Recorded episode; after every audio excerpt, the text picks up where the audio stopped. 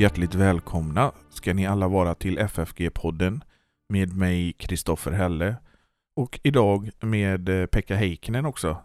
Hjärtligt välkommen Pekka. Du brukar ju vara med i den här podden ibland. Och du är poddare och präst. Ja, Hjärtligt välkommen, roligt, att ha dig här. Och är det så att man vill så kan man ge ett bidrag till eh, fakultetens och den här poddens arbete. Och det gör man bäst på eh, Swish. Numret är 123 100 8457 och så märker man det med FFG Podcast eller FFG Gåva. För annat som händer på församlingsfakulteten besök vår hemsida ffg.se.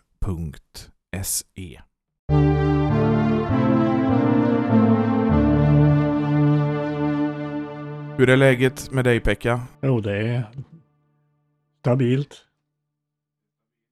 Vi tänkte idag prata om trons artiklar.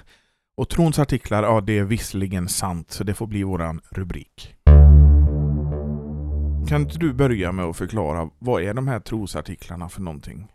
Ja, det har jag ju inte precis förberett, men något kan jag väl säga. Man kan ju säga på ett sätt att det är en sammanfattning utav vår kristna tro. Och det spinns då tillsammans med eh, den treenige guden och hans välgärningar emot oss människor.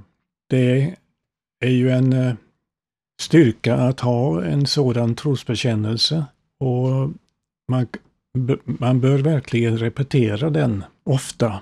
Och inte minst då tillsammans med Martin Luthers förklaringar till dem. Jag, jag repeterar dem praktiskt taget varje, varje kväll.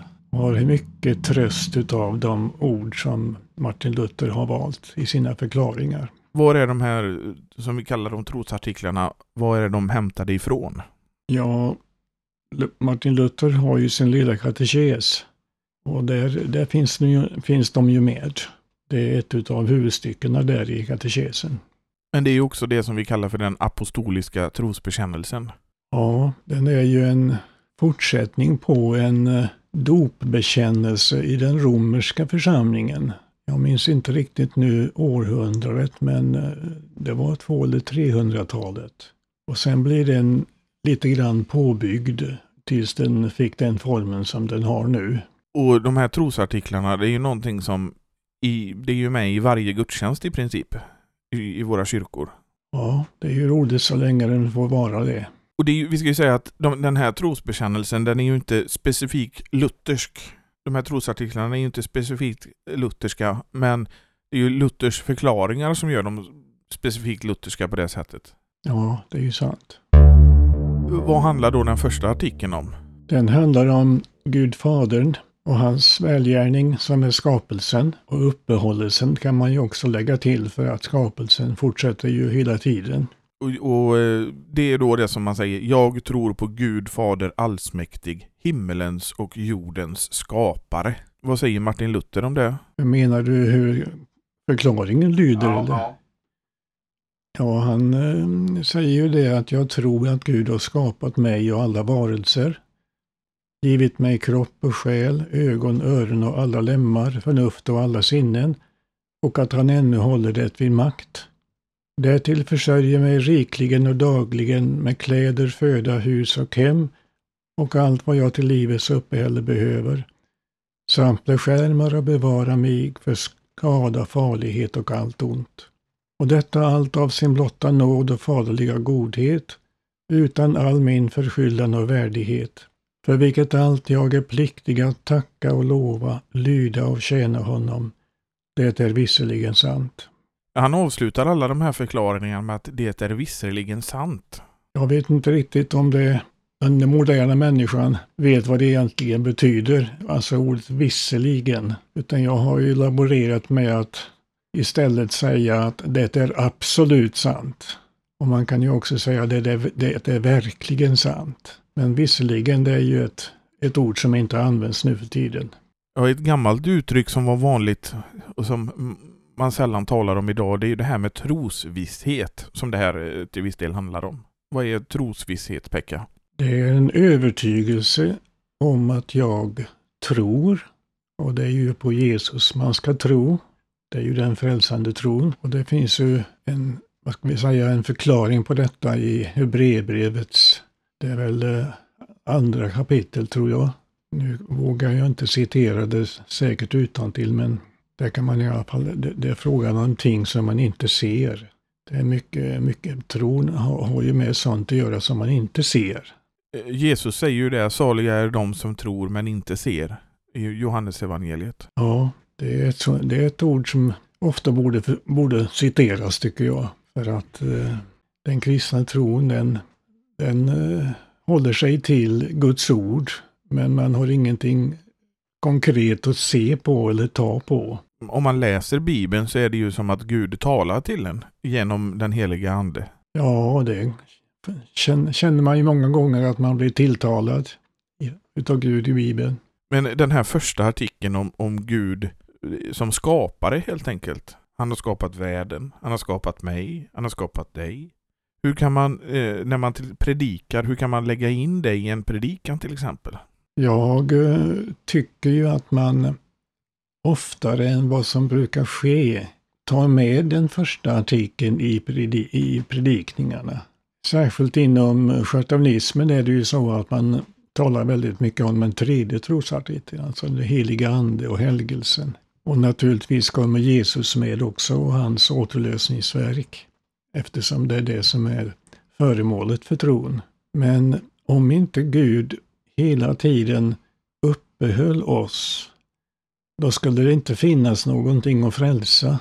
Därför att första artikeln på ett organiskt sätt tillsammans med andra och tredje artiklarna. Jag tänker på det här att han säger, ja det är visserligen sant, men han säger också i förklaringen Luther att jag kan inte tro på det här själv. Av egen kraft. Det är Gud som skapar det här. Det är den heliga Andes uppgift att, att göra hela, hela omvändelsens verk. Luther han skriver i sin förklaring till tredje artikeln att, att, eh, att den heliga Ande har kallat mig genom evangelium, upplyst mig med sina gåvor, helgat och behållit mig i en rätt tro. Så allt sammans är ju med dig från kallelsen då, ända tills att han bevarar mig ända in till döden då i en rätt tro. Och det som han säger i den här förklaringen är att och detta allt av sin blotta nåd och faderliga godhet utan all min förskyllan eller värdighet. Ja, det är en, det är en viktig sanning som Luther har tagit med i, i sin förklaring utav första trosartikeln. Och det är ju för att Gud ska få äran då. Vi kan inte göra någonting egentligen utan att vi får hjälp utav Gud. Jesus har ju uttryckt det så att mig förutan kan ni ingenting göra.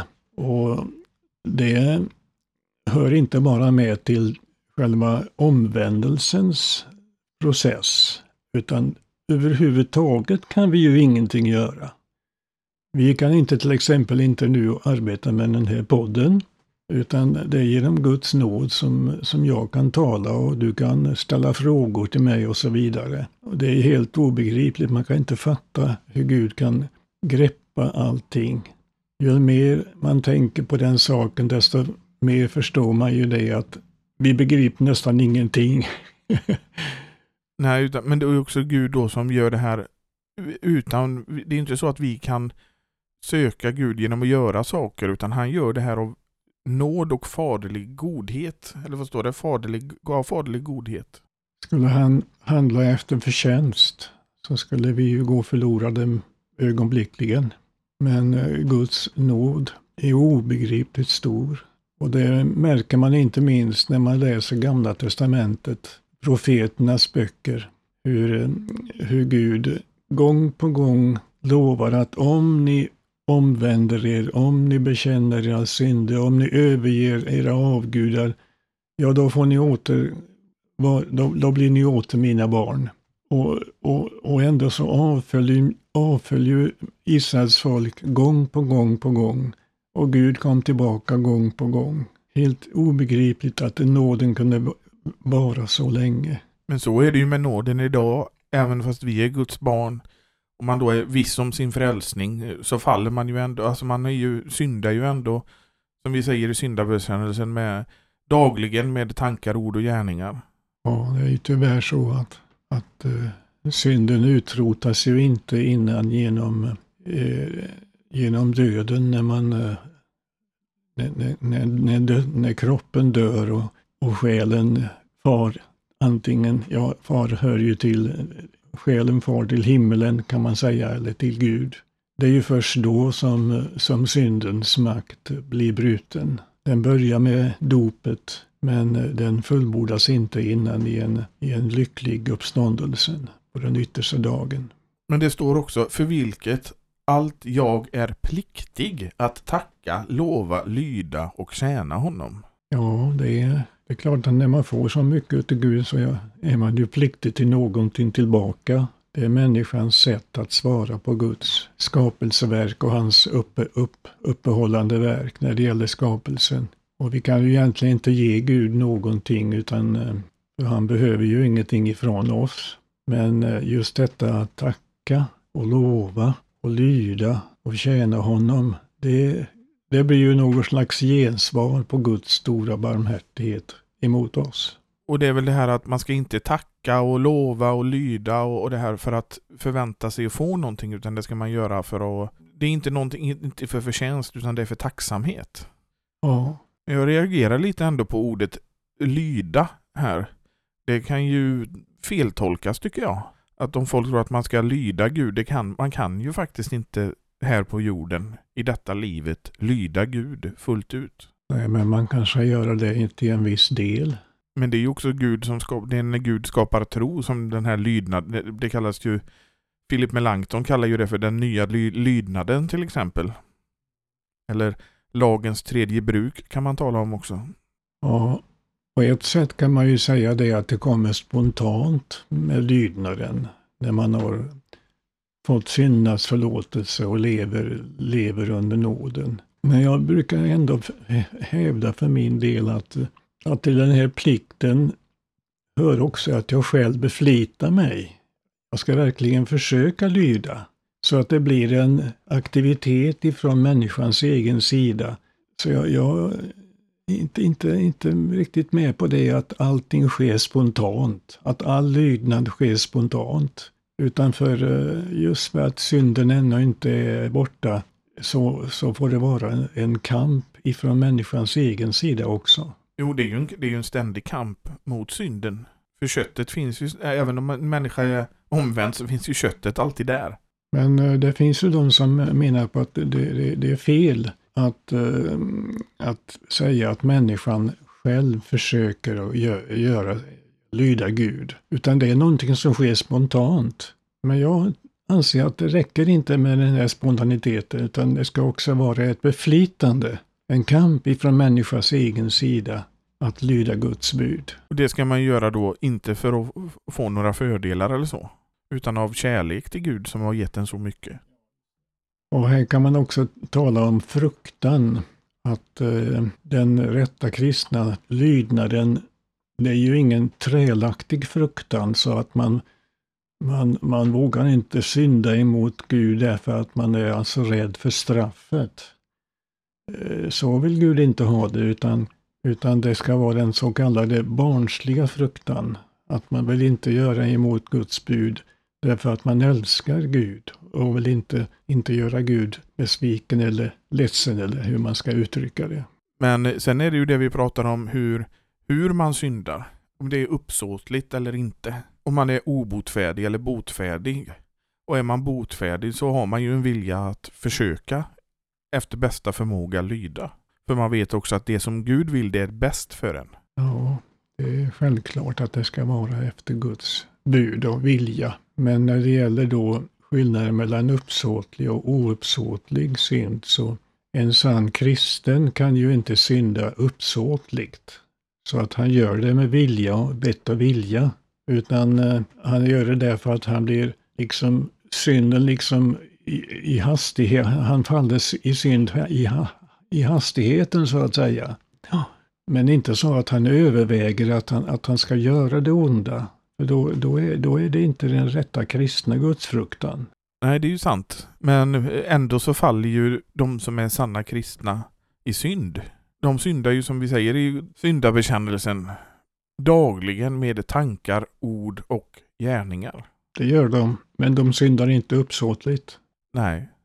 Men jag tänker om man tar den här gyllene regeln till exempel, att du ska älska din nästa så som dig själv. Även för en sann kristen kan ju det vara svårt. Och då får man ju istället be Gud om att finna kärlek till sin nästa. Det får man ju göra varje dag. Ja, men det är ju det får ju inte bli lagiskt att man ska försöka älska sin nästa.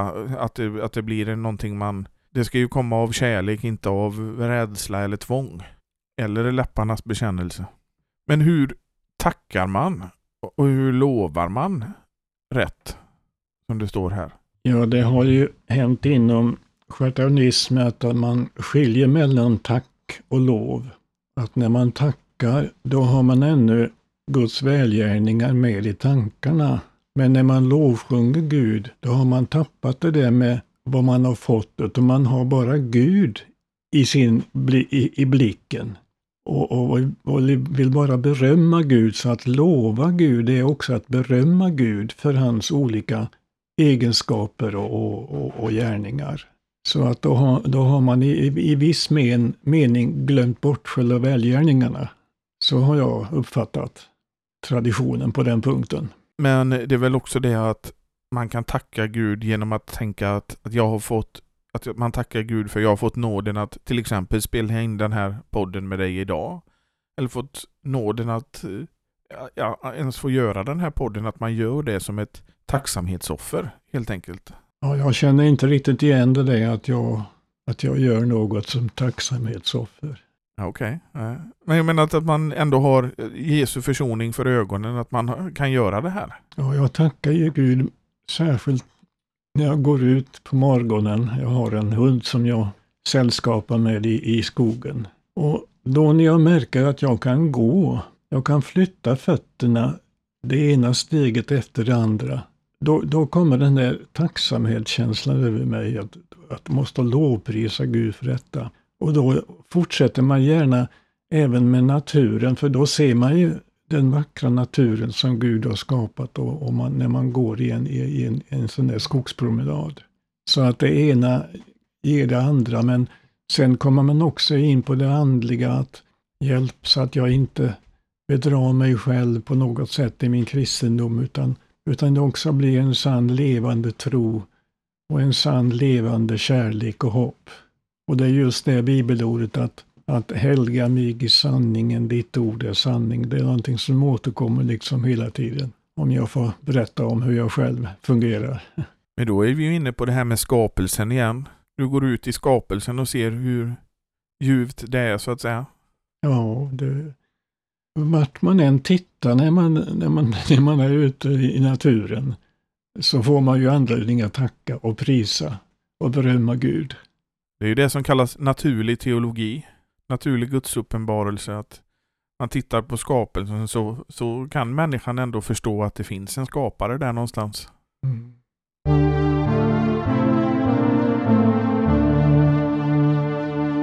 Men den andra trosartikeln som då är om Guds son Jesus och återlösningen, den lyder ju så här. Jag tror på Jesus Kristus, Guds enfödde son, vår Herre, vilken är avlad av den helige Ande, född av jungfru Maria, pinad under Pontius Pilatus, korsfäst, död och begraven, nederstigen till dödsriket, på tredje dagen uppstånden igen ifrån de döda, uppstigen till himmelen, sittande på allsmäktig Gud faders högra sida, därifrån igenkommande till att döma levande och döda. Och där har ju Luther också en förklaring. Det har han och det är många som anser det att det är det allra förnämsta som Luther har skrivit. Det är förklaringen till andra trosartikeln.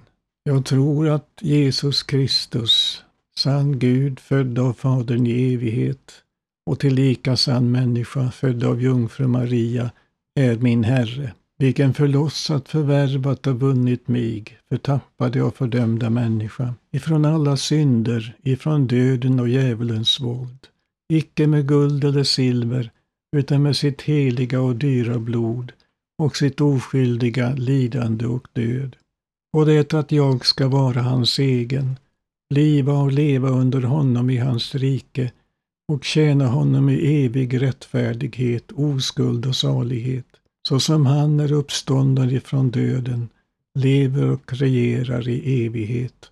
Det är visserligen sant. Och där kommer det igen. Det är visserligen sant. Det är absolut sant. Mm. Och den här artikeln just för att för trosvissheten. Att Jesus han har gjort allt det. Han har förlossat, förvärvat och vunnit mig. För att jag ska bli hans egen. Det har jag särskilt tröstat mig med. Just det här ordet egen. Va, varför gjorde han allt detta? Varför led han så mycket och, och, och, och tjänade både Gud och människor under sitt liv på jorden och särskilt under de tre sista åren då. Varför gjorde han det? Jo, för att jag ska vara hans egen. Han ville ha mig, syndiga människa, till sin egen. Och det tycker jag också är bra, det där som kommer sedan, att leva, leva och bliva under honom i hans rike. Att, eh, att, att det här ut, ordet under finns med, vilket visar att det är någonting naturligt i, i Guds rikes sammanhang att vara under och inte absolut sträva upp och, och vara liksom uppe och, och, och, och över. Utan vara under Kristus. Även det här med att kvinnan eh, ska, ska vara under sin man så att säga. Det, eh, det uppfattas ju väldigt, väldigt negativt utav feministerna.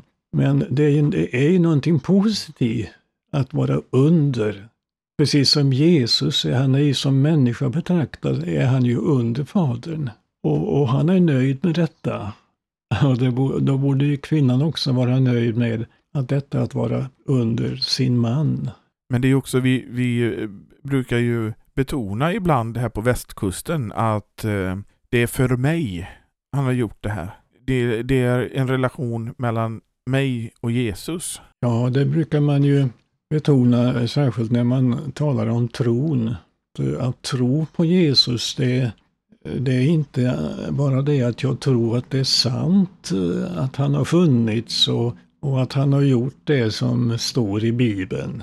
Det är visserligen också, som, det hör ju också med till den kristna tron, att man tror att detta är sant, men, men det blir ingen frälsande tro innan man förstår att detta har han gjort för mig, speciellt för mig.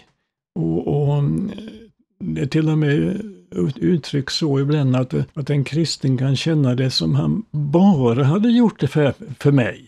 Så det är inte, eh, han har inte gjort det liksom bara för and, andra människor, utan han har gjort det för mig precis som jag var den enda som han ville, ville vinna för sitt rike. Alltså det, det är en personlig applikation på tron, att tron är personlig. Det är inte så att bara för att du är en del av ett sammanhang, så som den romerska kyrkan var, eh, som Luther reagerade mot på reformationen till exempel, att helgonen hade ett överflöd som kyrkan kunde liksom dela ut till folk om de köpte avlatsbrev och sånt här, utan det är en personlig tro på Jesus som försonar. Ja, och då, då räcker det med honom och mig. Och det är inget mer som behöver blandas in där. Utan det, det som han gjorde i återlösningen, det har han gjort för mig. Och jag, då, då kan man liksom strunta i allt det andra, utan det, det gäller mig personligen. Att tro på det, det är ju, det stärks ju när man lyssnar till predikan till exempel. Och det stärks när man läser skriften. Och man lär känna Jesus ju mer man läser och desto mer man hör predikan. Ja, jag brukar gärna betona det. Jag blir frälst genom tron på Jesus Kristus. Och det är inte jag som gör att jag blir frälst, utan det är en Guds heliga ande som gör att jag blir frälst. Men sen brukar jag betona också att han gör det aldrig utan medel. Det är en väldigt viktig sak när det gäller människans frälsning, att att det är den heliga Ande som frälsar mig så att han kan omvända mig så att jag blir en troende kristen. Men han gör inte detta utan medel. Och det, det glöms väldigt ofta bort. Och de medlen, det är ju de medlen vi också kallar för nådemedlen. Guds ord, ordet och Guds ord och dopet och nattvarden. Det är nådens medel. Och de använder den heliga ande när han gör en människa till en kristen. Och även när han bevarar en sann kristen i en rätt tro. Ja, det, det står ju där också att han hjälper mig till tro, han har bevarat mig också i tron. Ja. ja. Men det är ju också just den här andra artikeln om Jesus. Så är det ju just det som är det centrala, det vi ska tro på, vad han har gjort. Ja, det är han. Vi ska tro på honom personligen, men det, till, till, det person, till det personliga hör det som han har gjort. Han har, eh, Luther sammanfattar ju tre ord. Han har förlossat, förvärvat och vunnit mig. Det kan man hålla predikningar om varje ord där. Han har förlossat. Det har ju med min, min fångenskap att göra då. Han, han har befriat mig från fångenskapen under döden och synden och så vidare. Han har förlossat och han har vunnit. Det, det, det, det, det har ju med kampen att göra. Det är liksom ett krig. Och han har vunnit mig i det kriget såsom en, såsom en vinst. I, han har gjort en vinst i, och vunnit över, över, över, över djävulen. Och sen ordet förvärva, det är ju att han har betalat. Han har betalat en skuld som jag inte kan betala, men han har gjort det. Han har offrat, eh, betalat med sitt heliga och dyra blod. Och det är ju någonting, den här skulden, även fast vi står där skyldiga, så har han betalat den skulden för alla människor i all evig tid. Ja, det har han gjort. Så det, han, där har han inte gjort någon skillnad, utan det gäller alla människor. Men sen är det ju, skillnaden blir ju genom att människan antingen tar emot gåvan eller inte gör det. Och han har ju vunnit segern över synden, döden och djävulen. Så den som tror på honom, den eh, går ju fri så att säga från det. Alltihopa, ja. Och man kan ju, om man blir som kristen frestad och, och känner det tungt så vet man att det spelar ingen roll för att det är Jesus som har vunnit den kampen redan. Han har betalat min skuld. Jag behöver inte göra någonting själv för detta. Vi återkommer här till det vi pratade om förut. Det är en del som säger att, det, att lydnaden och det är, en, det är en spontan sak som människan gör. Men jag, jag vill ändå hävda det återigen att, eh, att, eh, att det ska också vara en aktivitet, ett bemödande från människans egen sida att försöka lyda Gud i allting. Sen kan man ju inte göra det på fullkomligt sätt, men, men om inte den här aktiviteten finns ifrån människan så tror jag inte att det är sann kristendom. Men, men om man känner att man kan lyda Gud fullkomligt? Då är, det, då, är det, då är det också någonting falskt. För att det är, det är ingen som kan det. Men om man, om man inbillar sig att man kan det, då, då har man ju gått över gränsen.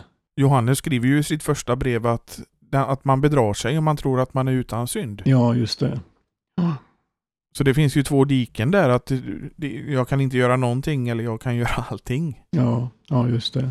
Men en, en som är kristen, en som, som har kommit till tro på Jesus och vill ju av hela sitt hjärta försöka att hålla Guds bud. Mm. Då kommer ju den här aktiviteten av tron, kommer ju den nästan spontant i alla fall. Mm. Att man vill. Att man, viljan har ju blivit i alla fall förändrad från innan omvändelsen. Ja. Och det skriver ju Melanchthon om i, i uh, Augsburgska bekännelsen också, där han kallar det den nya lydnaden. Sen när det gäller frestelsen. Jag tror att en kristen ibland tror att själva frestelsen är synd. Att man syndar när man känner sig frestad att göra någonting galet. Något som är emot Guds, Guds vilja. Och jag har uppfattat det så eh, inom lutherdomen att, att, att det är inte synd att vara frestad. Men att gå med på synden, det, det, det, är, en, det är synd mot Gud när man inte gör någonting, kämpar emot. Luther uttryckte det väl också så att jag kan inte hindra att fåglarna flyger över huvudet på mig. Men jag kan hindra att, att, en bygg, att en, de bygger bo i, i huvudet på mig. Så att det är skillnad däremellan att vara frestad och att falla för frestelsen. Tillåta djävulen att ställa till det i mitt liv. Men sen ska vi ju vara noga med också att tankarna är, alltså om syndiga tankar är ju fullt ut synd. Det är inte så att tankarna som syndiga tankar inte är tankar eller är synd förrän du bejakar dem och gör någon handling. Nej, tankar kan också vara syndiga och likadant begärelserna är synder, syndiga. Men ehm, det kan nog vara svårt för en kristen att skilja mellan den verkligt syndiga tanken och frestelsen att synda, att tänka fel. Det, det är liksom en hårfin, hårfin skillnad där som kan vara svårt att, att, att reda ut. Men eh, när man inte kan reda ut det där då, då får man ju fly till Gud i bönen då att, och säga att har jag verkligen syndat nu med mina tankar så förlåt mig Gud för Jesu Kristi skull. Men också det här att förlåt mig mina hemliga synder. Det står ju också om det ja. Så det är många synder som vi aldrig märker eller, eller tänker på att vi har gjort. Och det kanske är lika bra det för det skulle vara hemskt att vara liksom medveten om precis vilka synder och begär, onda begärelser man har.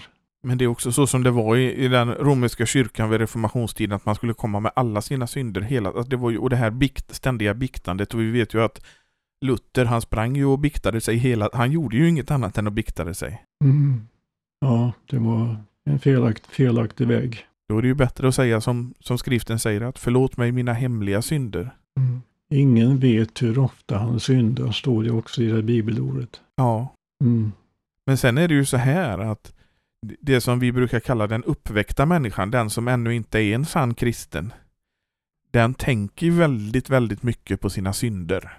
Ja, det är ju det som ligger i uppväckelsen, att man, man har upptäckt det och att man är, att man är en syndare. Och man upplever fruktan för Gud. Det blir ju, det blir ju den här trälaktiga fruktan i början. Och överhuvudtaget tror jag inte att en kristen någonsin under sin livstid kommer helt bort ifrån den trälaktiga fruktan, utan man, man, man faller i, i den trälaktiga fruktan. Det är så lätt gjort.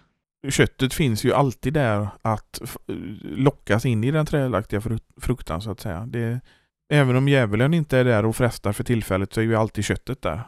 Ja, det är sant. Ska vi gå vidare till eh, nästa trosartikel? Det kan vi väl göra lite grann, ja.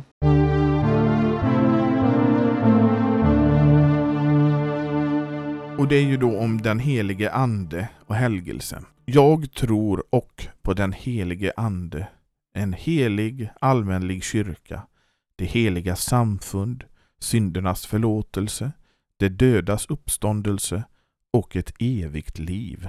Och Luthers förklaring är ju jag tror att jag icke av mitt eget förnuft eller kraft kan tro på Jesus Kristus min Herre eller komma till honom.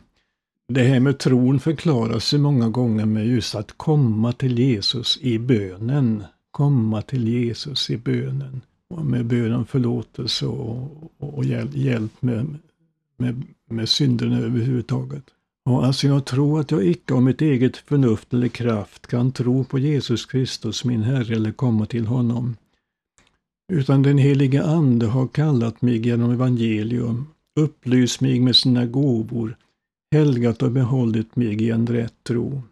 Så som man kallar, församlar, upplyser och helgar hela kristenheten på jorden och behåller och, behåll, behåller och bevarar henne hos Jesus Kristus i en rätt tro, i vilken kristenhet han dagligen och rikligen förlåter mig och alla kristna, alla, eller alla trogna står det väl, alla synder, och att han på den yttersta dagen skall uppväcka mig och alla döda, samt giva mig och alla trogna i Kristus ett evigt liv. Det är, san, det är visserligen sant.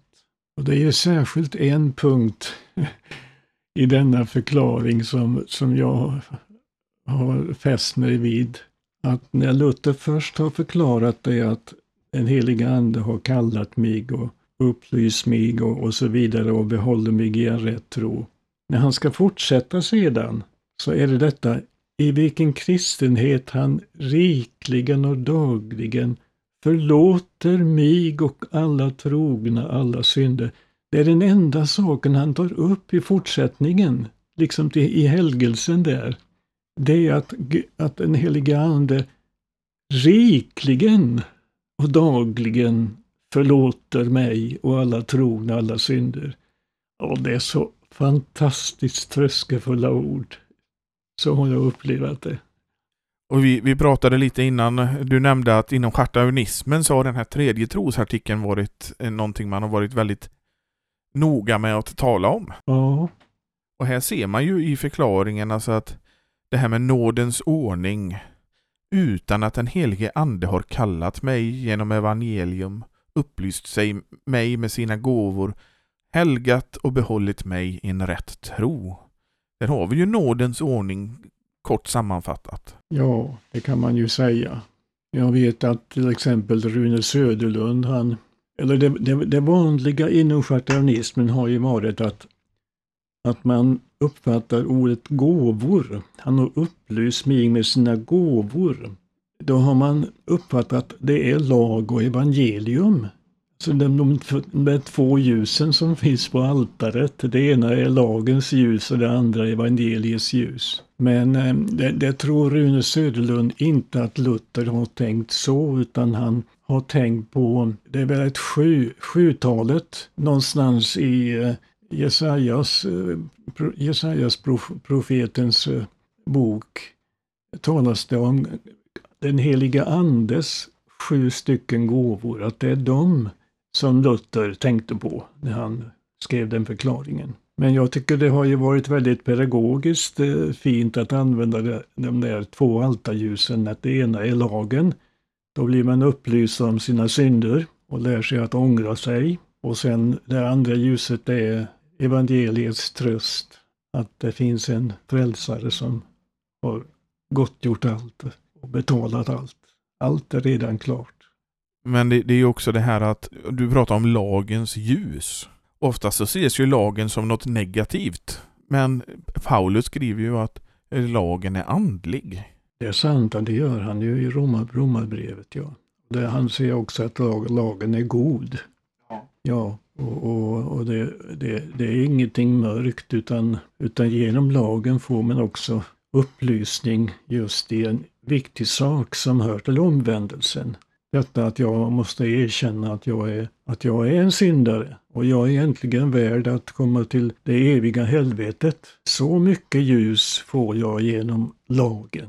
Så att det är verkligen ett, ett himmelsljus. Lagens ljus är också ett himmelsljus. Nu avslutar ju Luther alla sina förklaringar här med att det är visserligen sant, eller som du säger, det är absolut sant. Men för att man ska få behållas i denna trosvisshet så är det ju faktiskt viktigt att man brukar Guds ord och att man lyssnar till en sådan predikan som stämmer överens med Bibeln.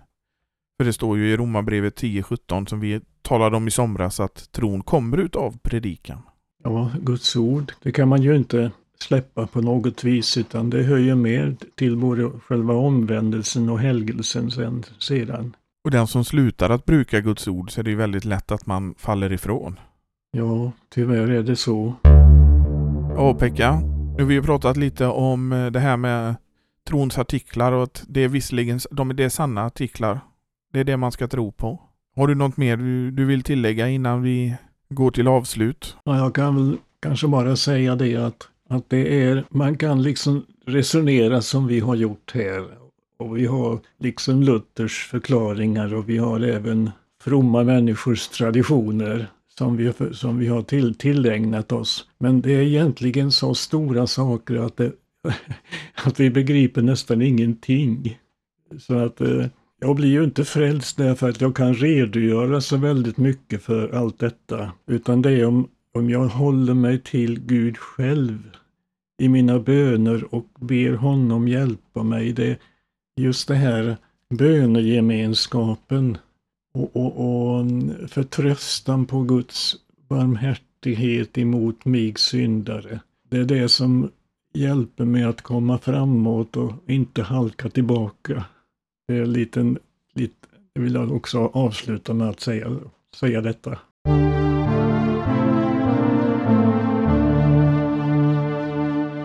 Tack än en gång för att du var med i podden Pekka. Och vi påminner våra lyssnare om att om man vill ge en gåva till församlingsfakultetens och den här poddens arbete, ja då går det bra att göra det på Swish. Numret är 123 100 8457. Numret finns också i avsnittsbeskrivningen av det här avsnittet och på vår hemsida ffg.se. Jag säger än en gång tack till dig Pekka och vi hörs igen nästa vecka.